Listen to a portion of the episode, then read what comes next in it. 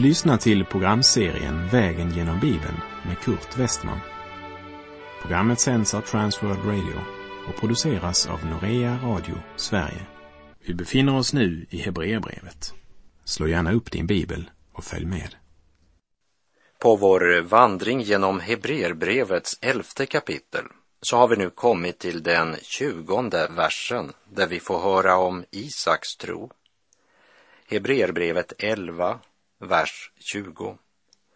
I tron gav Isak sin välsignelse åt Jakob och Esau för kommande tider. Lägg märke till hur lite som sägs om Isak. Inte minst om vi jämför med hans far Abraham. Vad kan vi säga angående Isak? Han representerar trons villighet. Isak var en vuxen man när Abraham lade honom på altaret.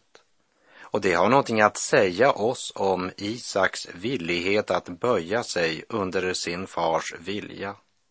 I tron gav Isak sin välsignelse åt Jakob och Esau för kommande tider. Det som skriften fokuserar på när det gäller Isaks tro, det är hans tro med vilken han uttalade välsignelsen över sina båda söner. Och det kan ju nästan verka lite underligt. Isak var en man som grävde många brunnar. Han lät gräva en brunn på en bestämd plats och sedan kom fienden och tog ifrån honom brunnen. Då grävde han en ny brunn på en annan plats och än en gång tog någon brunnen ifrån honom. Han verkar närmast vara en undfallande person.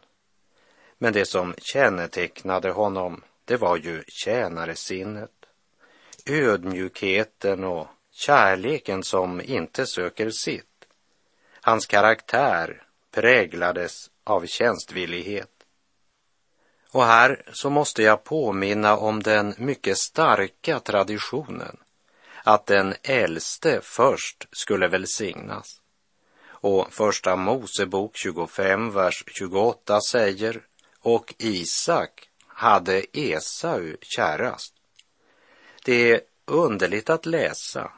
I tron gav Isak sin välsignelse åt Jakob och Esau för kommande tider.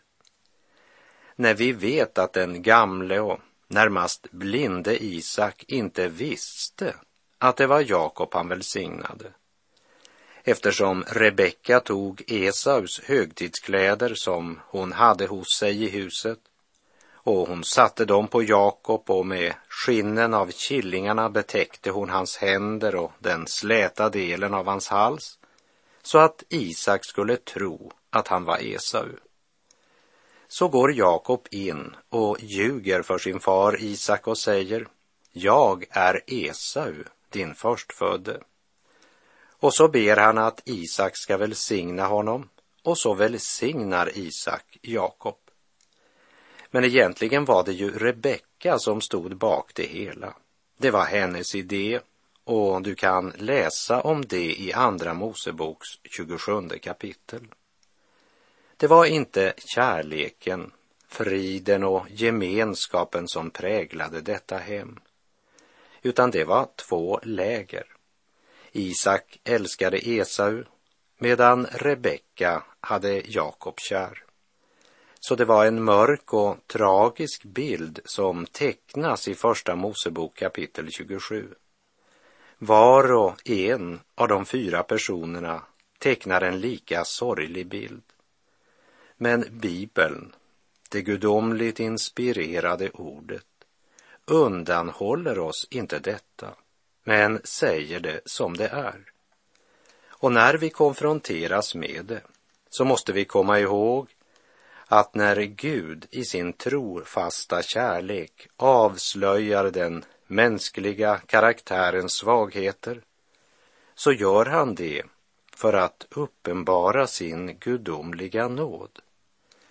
För trots all den här skröpligheten, både från Esaus, Jakobs Rebeckas och Isaks sida, så mister inte Guds välsignelse sin kraft.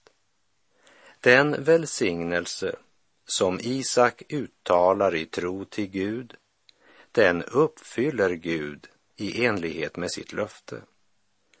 Medan Rebecka var gravid med dessa tvillingar så hade Gud talat till henne och sagt Två folk finns i ditt liv. Två folkstammar ska komma ur ditt sköte och skiljas från varann. Den ena stammen ska vara den andra övermäktig. Den äldre ska tjäna den yngre. Efter att ha läst om bröderna Jakobsson och deras far och mor så är det underbart att det i Hebreerbrevet 11.20 står i tron gav Isak sin välsignelse åt Jakob och Esau för kommande tider. Människans svek och trolöshet omsluts av Guds trofasthet. Och om allt detta ska beskrivas med ett enda ord, ja, då finns det bara ett ord, nåd. När Isak utlyste välsignelsen över sina söner så visste han att han som far var kallad att utlysa denna välsignelse. Och han gjorde det i visshet om att det var Gud som var den som välsignade. Och han litade på att det profetiska ordet från Gud skulle uppfyllas. Löftena kunna ej svika, nej, det står evigt kvar. Jesus med blodet beseglat allt vad han lovat har. I tron gav Isak sin välsignelse åt Jakob och Esau för kommande tider.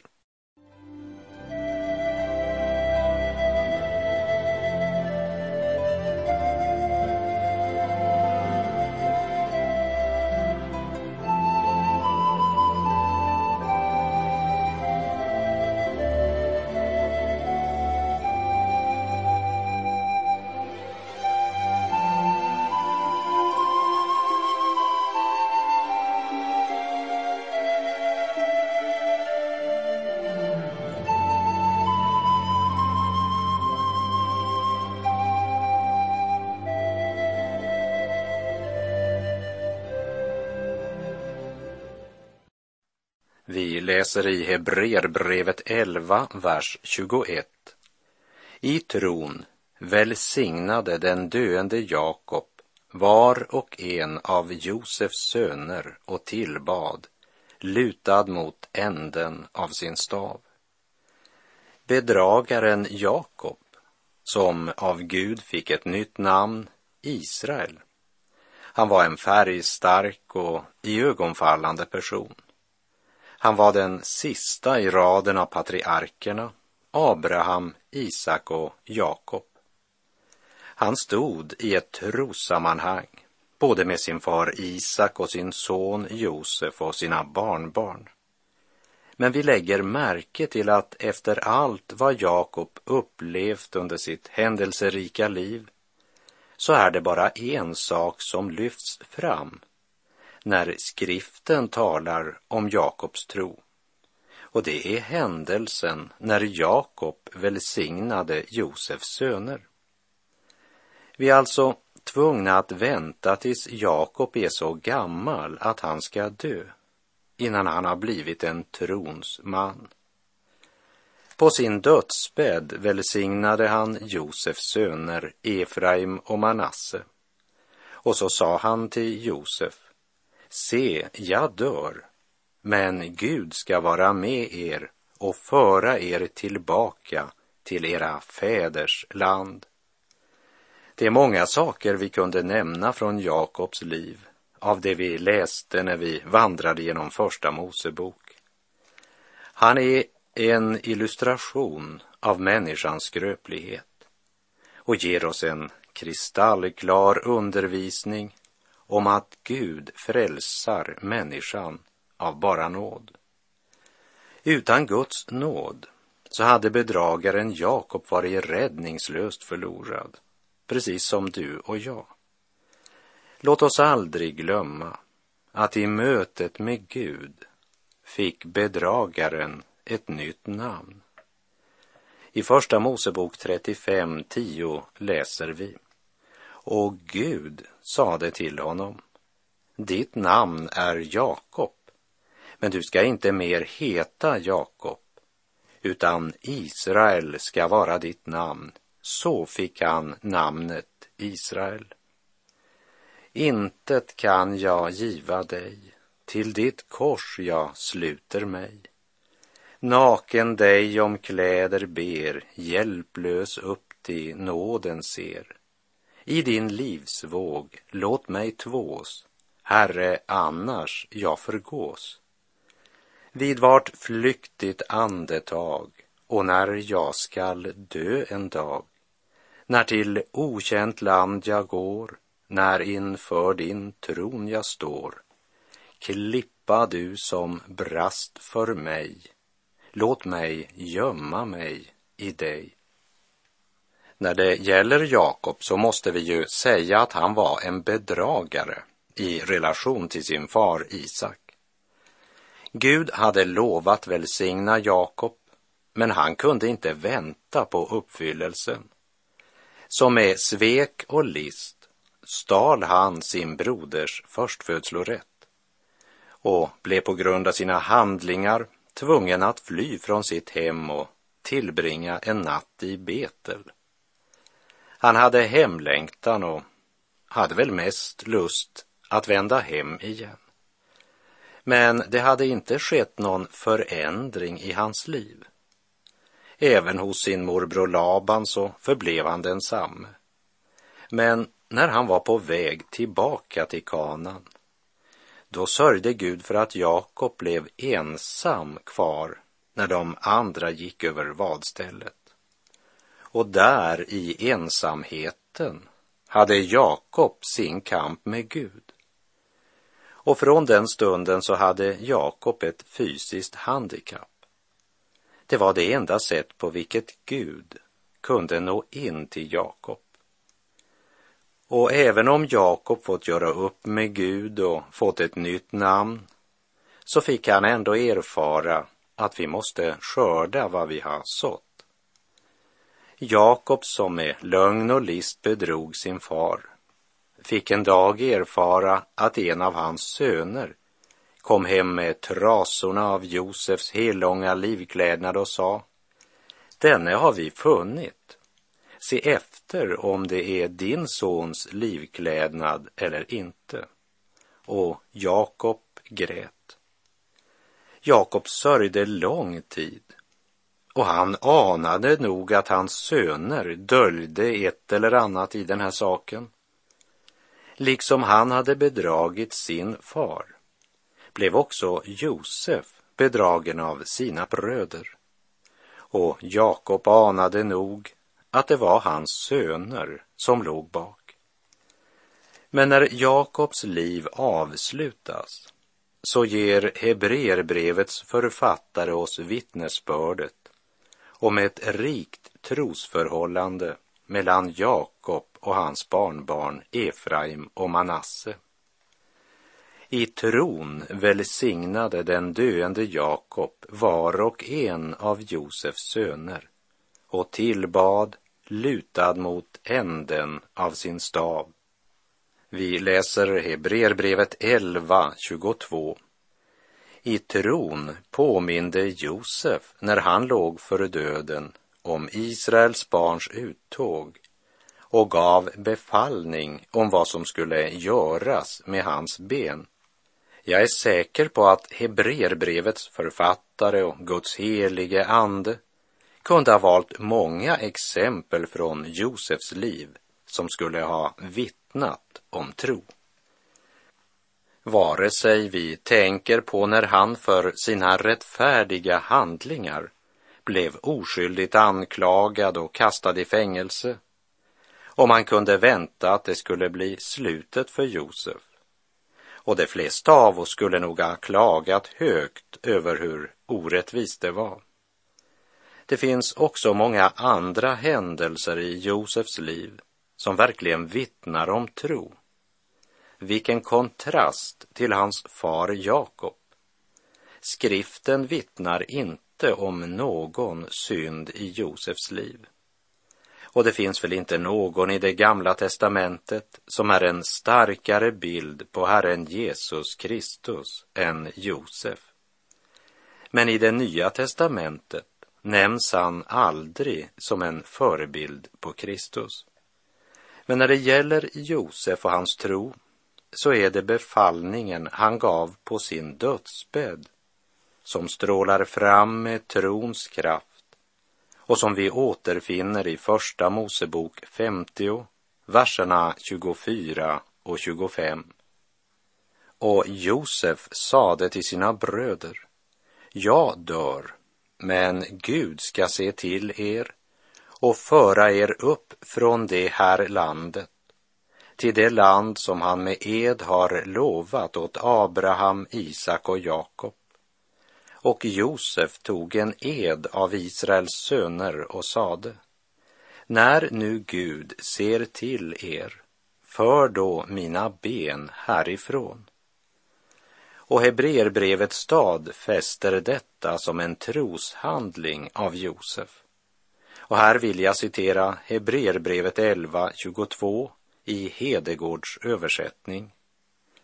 Genom tron talade Josef på sin dödsbädd om att israeliterna en gång skulle tåga ut ur Egypten och bestämde vad man då skulle göra med hans ben. Och Andra Moseboks trettonde kapitel berättar hur underbart Gud ärade denna tro och besvarade denna bön. Moses och Israels barn tog med sig Josefs ben när de lämnade Egypten. I tro talade Josef om befrielsen som skulle komma. Och Hebreerbrevet stadfäster alltså detta som en troshandling.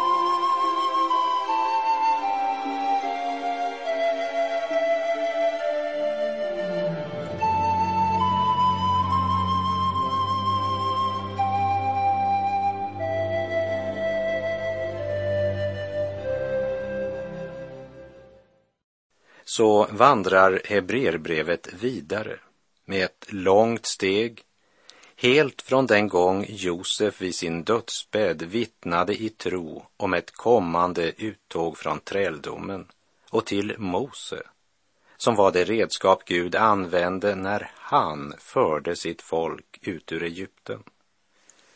Abel visade oss trons väg genom blodet från offerlammet Hanok illustrerade trons vandring med Gud i vardagen. Noa talar om att vara trons vittnen i vår samtid. Abraham talar om trons tillbedjan. Isak representerar trons villighet. Josef talar till oss om trons uthållighet i prövningar. Och när vi nu kommer till Mose, som påminner om Guds heliga lag, så talar det till oss om trons konsekvens, trons pris. I Lukas 14.28 så talar Jesus om att beräkna kostnaden. Vi läser Hebreerbrevet 11, vers 23. I tron hölls Mose efter sin födelse gömd av sina föräldrar i tre månader. De såg att det var ett vackert barn och lät sig inte skrämmas av kungens påbud. Mose hade gudfruktiga föräldrar som fruktade mera för Gud än för Egyptens kung. Och de var villiga att göra något som kunde ha kostat dem livet. Och därför att de vågade handla i tro så fick deras barn växa upp och blev undervisad vid Egyptens hov och blev betraktad som en av faraos söner. Men i längden så vägrade han att låta sig kallas faraos dotterson. Vi läser Hebreerbrevet 11, vers 24 och 25. I tron vägrade Mose som vuxen att låta sig kallas faraos dotterson. Han valde att hellre bli illa behandlad tillsammans med Guds folk än att en kort tid leva i syndig njutning. Mose hade verkligen möjligheten att leva som en prins vid den egyptiske kungens hov. Men i tro så ställde han sig solidarisk med sitt folk när han slog ihjäl Egypten som plågade hans landsman. Mose gav frivilligt avkall på det liv som innebar överflöd, lyx och en livsform som inbjöd till en kortvarig njutning av synden. Och Hebreerbrevet 11, vers 26 säger han räknade Kristi smärlek som en större rikedom än Egyptens alla skatter. Ty han hade sin blick riktad på lönen. Mose hade en tro som förde till handling. Väl medveten om vad det skulle komma att kosta honom så gör han ändå detta val. Och han står därmed som en förebild för allt trons folk. Att inga omkostnader är för stora när vi en gång valt att vandra med Gud.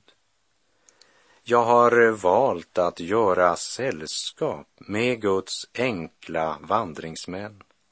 Det får kosta vad det vill, men jag vill hem till himmelen. Tron visar sig genom sina handlingar. Gud frälser oss utan våra gärningar. Men den sanna tron har alltid den frukt som heter goda gärningar. Därför var det inte av fruktan för farao som Mose rymde, men utan att frukta kungens vrede lämnar han i tro Egypten. Hebreerbrevet 11, 27.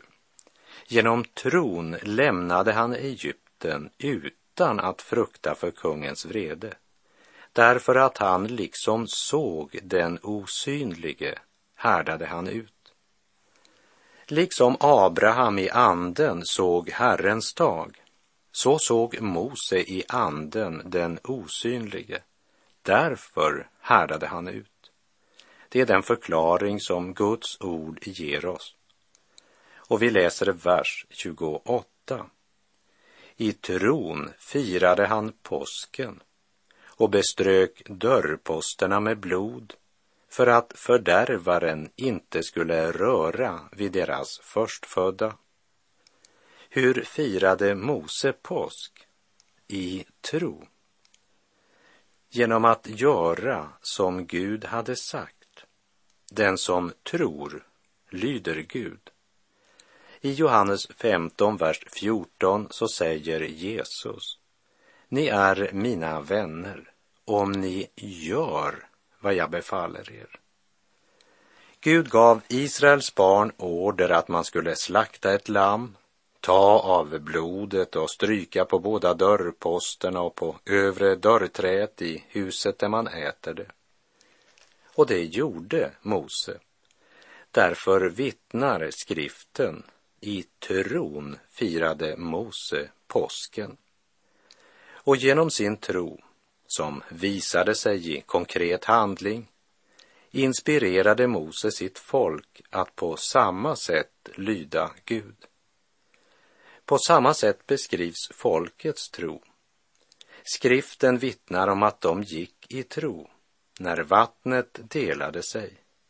Hade det inte varit någon nytta för Israels folk om de inte tagit dessa steg i tro och gått över till andra sidan? Vi läser Hebreerbrevet 11, vers 29. I tron gick folket genom Röda havet som på torr mark, men när egyptierna försökte dränktes det.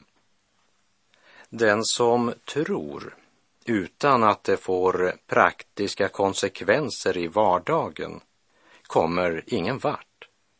Därför att hans tro är ju bara en teori. Och den som försöker efterapa Guds barns vandring utan tro går mot sin egen undergång. I tron gick folket genom Röda havet. Här handlar det om Mose tro. För eh, Israels folk hade ju knotat och klagat när de hörde vapenskramlet ifrån faraos här. Och när de såg egyptierna komma så sa de, fast det då inga gravar i Egypten, eftersom du har fört oss hit för att dö i öknen. Hur illa gjorde du inte mot oss när du förde oss ut ur Egypten? Hör vad Mose i tro svarar folket. Var inte rädda. Stanna upp och bevittna den frälsning som Herren idag skall ge er.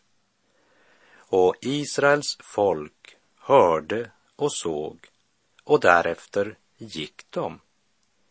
Detta trolösa folk får i Hebreerbrevet 11 följande vittnesbörd. I tron gick folket genom Röda havet som på torr mark, men när egyptierna försökte dränktes det. Och med det så är vår tid ute för den här gången.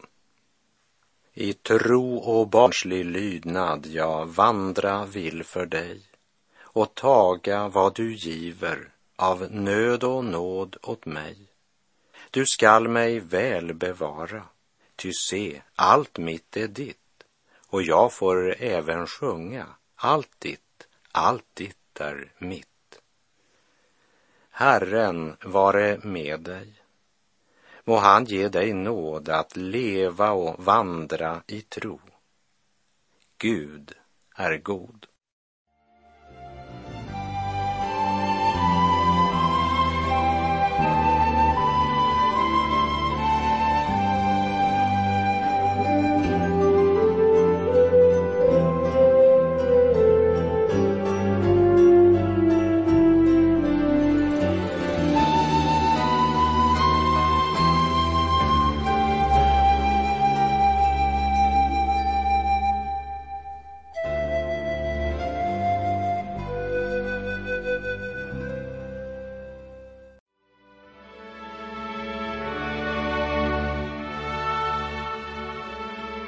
Har lyssnat till programserien Vägen genom Bibeln med Kurt Westman som sänds av Transworld Radio.